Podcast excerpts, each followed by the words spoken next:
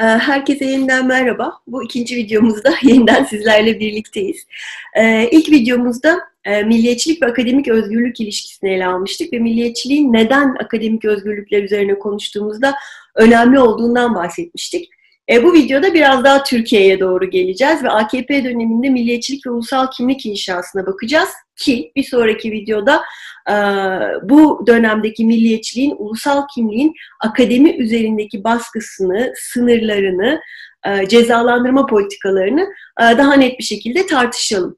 E, şimdi buradan yola çıktığımızda aslında 2010'ların başından itibaren milliyetçilik üzerine ve Türk milliyetçiliği üzerine çalışanlar buna dair pek çok eser de var. AKP dönemi milliyetçiliği bir dinsel milliyetçilik olarak ele almaya başladılar. Ben de bu perspektiften ele alacağım. Bana sorarsanız da AKP tarihsel olarak gelen o sağ cenahtan gelen çizgiyi devam ettirerek o ulusal kimliğin merkezine Sünni İslam'ı alarak e, bir ulusal kimlik inşasına gitti. E, ve bunun üzerinden ele almamız gerekir. Ama öte yandan AKP dönemi e, kendi tabirleriyle söylersek eğer ustalaştıkça bu milliyetçiliği biz başka kategoriler üzerinden de devlet milliyetçiliği, otoriter milliyetçilik, çoğunluk milliyetçiliği gibi kavramları kullanarak da değerlendirebiliriz. Bunu da unutmamamız gerekir ki kısaca bu videoda biraz oradan da bahsetmeye çalışacağım. Şimdi buradan devam edersek öncelikle dinsel milliyetçilik derken neyi kastediyoruz? Bir oradan başlamamız gerekiyor herhalde. Bana sorarsanız Roger Brubaker'ın kaynak olarak burada sizlere de önerdim. Üçlü bir sınıflandırması var. Son derece elverişli. Diyor ki dinsel milliyetçiliği bir şöyle ele alabiliriz. Mesela Musevilik gibi ulusal cemaatin sınırlarıyla dinsel cemaatin sınırlarının çakıştığı milliyetçilikler. Bu bir örnek olabilir.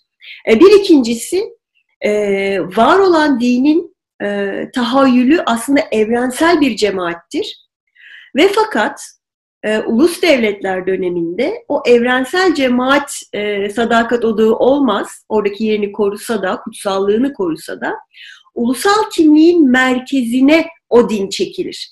Mesela İrlandalılar için Katoliklik bu bağlamda, İrlanda milliyetçiliği için Katoliklik bu bağlamda ele alınabilir. Veya ben AKP döneminde dinsel milliyetçiliği bu bağlamda ele alabileceğimizi düşünüyorum. Ee, günümüzde artık çok e, en azından kendi medyalarında da çok fazla ön plana çıkmıyor ama e, biz biliyoruz ki tar- yani e, AKP tarihine baktığımız zaman artık 10 yılları geçtiği için e, AKP tarihi de diyebiliyoruz. Önemli bir isim. Hayrettin Karaman mesela e, ulusal e, kimlik tanımlaması için e, tam da bu kategoriye uyan e, bir tanımlamaya gidiyor ve diyor ki elbette ki bizim tahayyülümüz ümmete ulaşmak. Ama eğer ümmete ulaşamıyorsanız ulusal kimlik inşasına gidersiniz. Ulus devletler çağındasınız. O devleti aşamıyorsanız ulus devleti kabul edersiniz. Ha o zaman ne yapacaksınız? O zaman tahayyül ettiğiniz ulusun veya daha o İslami referansla kullandığımızda milletin e, içine e, temel kriter olarak, temel e, ulusu belirleyici olarak dini yerleştirirsiniz. Onun tabiriyle işte Sünni İslam'ı e, temel nitelik e, yaparsınız. Şimdi bu aslında tam da Brubaker'ın bu ikinci kategorisine düşen bir tanımlama. Brubaker'ın bir üçüncü tanımı e, daha var. O da diyor ki bazı ulusal kimliklerde de e, din birincil önceliğe sahip değildir. Ama özellikle kriz zamanlarında, o yanlış hatırlamıyorsam Fransa'yı örnek veriyordu. Kriz zamanlarında din raftan alınır. Çünkü zaten aslında ulusal kimliğin içinde bir yeri vardır. Sadece birincil konumda değildir. Ve hemen birleştirici bir güç olarak kriz zamanında yükseltilir, e, kutsanır, yeniden bir birleştirici role soyundurulur. Şimdi bu da biraz bize özellikle bana sorarsanız Cumhuriyet dönemini e, hatırlatan veya şöyle söyleyelim işte resmi ideolojiyle Atatürk milliyetçiliği veya Kemalist milliyetçilik dediğimiz ideolojinin içinde e, İslam dininin sahip olduğu pozisyonu gösteriyor gibi geliyor. Şimdi buradan baktığınız zaman da aslında AKP döneminde biz ilk kez ulusal kimliğin içinde İslam'ı elbette görmüyoruz. Zaten tarihsel olarak Osmanlı modernleşmesinden günümüze baktığımızda böyle bir tanımın bütün ulusal kimlik tanımının içinde yer aldığını Cumhuriyet'in kuruluşunda resmi olarak azınlıklar belirlenirken görüyoruz. Değil mi? Yani AKP'nin bize sunduğu gibi işte din karşıtları, din yandaşları gibi böyle keskin bir ayrım yok. Lozan'la birlikte Türkiye'nin resmi olarak e, tanım tanıdığı azınlıklar gayrimüslimler. Çünkü onların Türkleştirilemeyeceği düşünülüyor. Neden? Çünkü onlar Müslüman değil. Tam bir kurucu öteki Türk ulusal kimliği için. Hem sağ cenahtan gelenler için hem daha Kemalist çizgiden gelenler için. Her ikisi için de asla Türkleştirilemeyecek olan olmaları gayrimüslimlerin aslında her ikisinin Türk ulusal kimliği tanımında ortak bir unsur, unsur olarak İslam'a yer verdiklerinin çok önemli bir göstergesi. Ha, sadece verdikleri pozisyon değişiyor. Yani AKP'nin devam e, nasıl diyelim e, devamı olduğu çizgide Türk ulusal kimliğinde din, İslam dini merkezi bir yere sahipken daha Kemalist çizgide o merkezi yere sahip değil. Sadece e, bu farklılıktan bahsedebiliriz. Ama bir önemli farklılık AKP dönemine ilişkin bir önemli farklılık işte bu dini merkeze alan milliyetçi çizginin Türkiye tarihinde ilk defa AKP ile birlikte e, bir resmi ideoloji olması. E, bu önemli bir farklılık e, Kemalist milliyetçilikten, Atatürk milliyetçiliğinden e, farklı e, olarak bir milliyetçi söylemin biz resmi ideoloji haline geldiğini görüyoruz. Bu şu bağlamda önemli. Bütün milliyetçiliklerin akademik özgürlükler üzerindeki baskısı baki ama öte yandan bu sefer bir dinsel milliyetçiliğin resmi ideoloji haline gelmesinin bu baskıyı nerelerde gevşettiği nerelerde yoğunlaştırdığı da e, bizim için e, farklı olarak yoğunlaştırdığı da e, bizim için yine son derece önemli bir nokta diye düşünüyorum. Şimdi buradan bahsetmeye devam edersek dinsel milliyetçilik derken tamam merkeze alıyorlar. Başka neden bahsedebiliriz? Ne gibi farklılıklardan bahsedebiliriz? Bir kere şu çok öne çıkan Türkiye'de hem günlük hayatta hem de AKP'nin e, resmi söyleminde e, yine uzun zamandır e, gündemimizde olan dinle milliyetçiliğin hemhal olması hali. Benedict Anderson der ki hayali cemaatlerde bu ikisi çok kuvvetli ve aslına bakarsanız kabul edelim ki çok güçlü kuvvetli ve güçlü aynı oldu. Çok uzun süre kalıcı olmuş iki ideolojidir ve birbirlerinden çok beslenirler özellikle milliyetçilik e, dinin işte toplanma, kutsama, birlikte ibadet etme gibi e, ritüellerinden çok fazla şey öğrenmiştir. Onları yeniden e, toplu e, kutlamalar yapma, milli bayramlar, bir araya gelmeler olarak kendisine uyarlar. Şimdi bu e, ister dinsel milliyetçilik olsun, e, ister seküler milliyetçilik olsun, milliyetçiliğin dinsel e, dinden aldığı e, noktalardır. Ama dinsel milliyetçiliklerde bu iki ideolojinin ritüellerinin de çok daha fazla birbirinin içine geçtiğini görebiliriz. İkisi de toplumsal alanda, siyasal alanda herhangi bir talepten çok kendilerine ilgi gösterilmesini isterler kendi önceliklerinin e, ilk sırada olmasını talep ederler, kendileri e, talep ederler. E, bu bağlamda da kendilerini e, çoğunluktan rıza alacak şekilde yeniden ve yeniden kurmaları gerekir. İşte bu kurma aşamasında tarih son derece önemlidir bir altın çağ vurgusu, yeniden iktidara gelme söylemi, tarihin yeniden yazılması hele de Türkiye örneğinde olduğu gibi bir önceki milliyetçilikten çok şikayetçi e, bir e, kadro varsa e, bu yeniden yazmaya daha da fazla dikkat edilir. Osmanlı tarihinin yeniden icat edilmesi, yeniden yazılması gibi. Bu yeniden yazmanın sadece eğitimde, bürokraside karşımıza çıkması değil, onlarla ilişki içinde ve onları etkileyecek şekilde bir kültürel sermaye oluşturma bağlamında da, popüler kılınması bağlamında da karşımıza çıkması söz konusudur. İşte en sık verilen örnek e, Diriliş dizisi, son dönemde Abdülhamit dizisidir. E, bu iki diziyi e, bu bağlamda karşılaştırarak ele alan Birikim dergisinde Ayşe Çavdar'ın yazılarını mutlaka okumanızı tavsiye ederim. E, bu tip kültürel sermayeye yönelik e, adımların e, AKP döneminde elbette ki çok arttığını e, görüyoruz. E, bu tarih kurulurken e, bir postkolonyal dilin de e, benimsendiğini söyleyebiliriz. Neyi kastediyorum? Şunu kastediyorum. E, AKP döneminin e, aslında tarihsel olarak e, Osmanlı'dan itibaren gelen e, o batılılaşma karşıtlarına karşı kendisini kuran sağ cenahtan beslenerek geldiğini biliyoruz. Kendi referans noktaları da yine zaten oraya işaret ediyor. Şimdi oradan bugüne geldiğimizde özellikle Kemalist dönemin, Kemalistlerin ve hatta Kemalist olması da şart değil, herhangi bir batılı ideolojinin neferi olarak tanımlananların aslında e, ötekileştirildiğini, e, zihniyet dünyasını, e, milletin zihin dünyasını sömürgeleştirildiğini, sömürgeleştirdiklerini söylediklerini görüyoruz. Şimdi bu sömürge tabiri üzerinden hareket ettiklerinde de postkolonyal bir dil kurmaya başlıyorlar o dil iktidara sahip olduktan sonra bir ulusal kimlik inşasıyla birleştiği zaman da e, o yeniden kuruculuk unsurunu, karşıtlıkların, ötekilerin nasıl kurulduğunu, nasıl bir söylemle şekillendirildiğini bize açıklayan bir hal alıyor.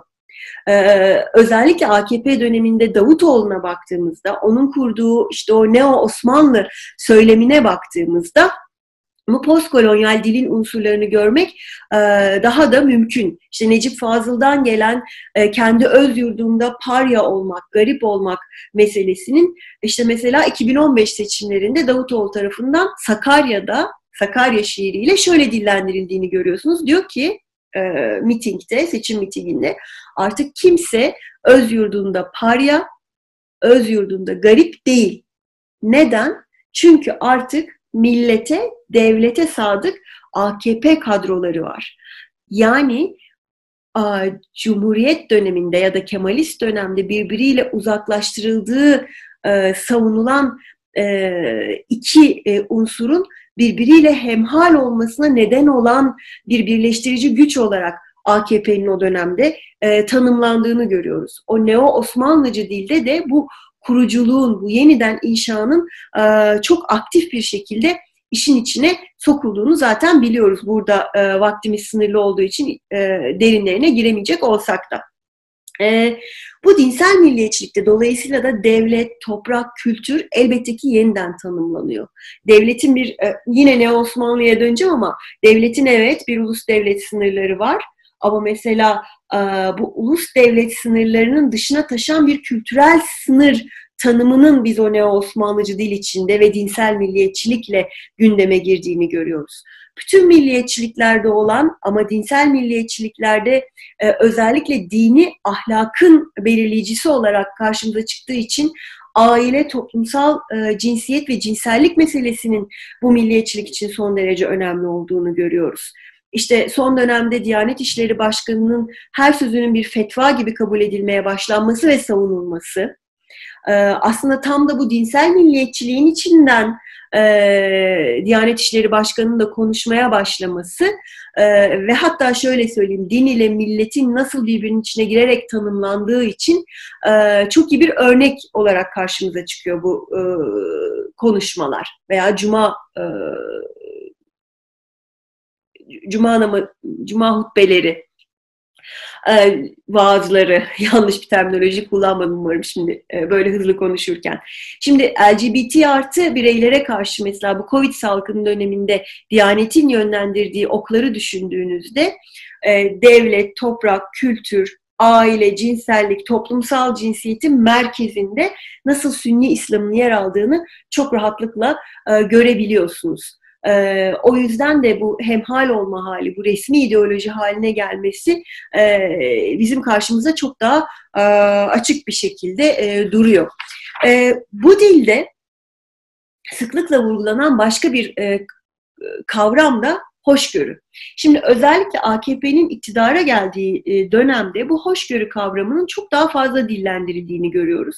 Hatta aslında bu 90'lardan itibaren e, işte İslamcılar, post-İslamcılık, Gülen hareketi bütün o bağlamda İslam'ın demokrasiyle, batıyla uyumlaşması bağlamında en çok karşımıza çıkan e, kavramlardan biri hoşgörü, diyalog yine. Fakat iktidara geldikçe ve iktidardaki konumu sağlamlaştıkça bu hoşgörünün e, geri plana itildiğini, iktidar biraz e, tehdit altında e, hissedildiğinde yeni ittifaklarla e, otoriter bir rejime dönüştükçe hoşgörünün hepten rafa kaldırıldığını, bu sefer de iktidarı korumak için zora, dolaylı ve dolaysız olarak zora başvurmaya başlandığını görüyoruz. Hoşgörü ama yine de bahsedelim. AKP döneminde özellikle bir dönem çok kullanıldı. Hatta e, şu an çok ortalarda gözükmeyen Yalçın Akdoğan muhafazakar demokrasi kavramını e, tanımlarken hoşgörüyü aslında çoğunluk üzerinden tanımladı ve çoğunluğun hoşgörüsü olarak e, bizim karşımıza koydu. Tabii hoşgörü öyle bir kavram ki çok tehlikeli. Hoşgörü dediğinizde aslında bir ast-üst ilişkisinden e, ve as, e, asta karşı üstün e, tahammül ilişkisinden bahsediyorsunuz. Yani e, üst diyor ki benim belli sınırlarım var. Sen e, bu sınırlar içinde hareket edersen ben sana hoşgörü gösteririm. Hani görmezden gelirim filan. Ha, ama bu sınırları zorlamaya başlarsan, tahammülümü zorlamaya başlarsan e, iktidarımın sopasını kafana indirebilirim. Ve bunu da e, işte o muhafazakar demokrasi denilen kavramla meşrulaştırıyor. Dolayısıyla da iktidarın e, sadece gayrimüslimlerle, Kürtlerle, Alevilerle değil, e, kadınlarla, kendisine muhalif tüm siyasi hareketlerle olan ilişkisinin ve dolayısıyla akademiyle olan ilişkisinin de sınırlarını e, çizen, belirleyen bir kavrama dönüşüyor bu hoşgörü. E, bir sonraki videoda buna biraz daha fazla e, gireceğiz. Şimdi dolayısıyla da e, bu AKP dönemi, İslam'ın merkeze alınması, dinsel milliyetçilik evet başından itibaren karşımızda. Ha işte 2002'de biraz daha hoşgörü teması ön plana çıkıyordu. 2011'den itibaren o ustalaştıkça hoşgörü biraz daha geri plana e, indi. Dinsel milliyetçiliği resmi ideoloji haline getirecek araçlar işte müfredatların değişmesi, eğitim politikaları e, Ergenekon ve Balyoz'da ordunun sahiplenilmesi pek çok şeyden bahsedebilirsiniz. Dinsel milliyetçiliğin devlet milliyetçiliği olarak biraz daha karşımıza çıkması e, ortaya çıktı. Ve bana sorarsanız ama 2015 özellikle 2016'dan sonra artık bu milliyetçilik sadece devlet milliyetçiliği değil, aynı zamanda dinsel bir otoriter milliyetçilik olarak kendisini göstermeye başladı. Çünkü artık AKP bu dönemden itibaren e, kendi iktidar ittifaklarını da değiştirmeye başladı. Şikayetçi olduğu eski e, rejim, derin devlet unsurlarıyla ittifaklara girdi.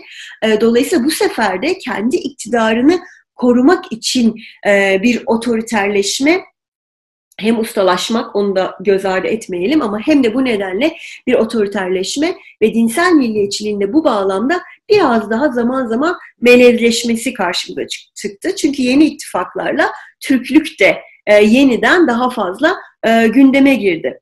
E, buradan e, devam ettiğimizde özellikle Türkiye'de ve dünyada bu otoriter rejimler, otoriter rejimlerin e, işte İkinci Dünya Savaşı e, öncesi ve sırasındaki faşizan e, rejimlerle, faşist rejimlerle ilişkisi oldukça tartışılıyor.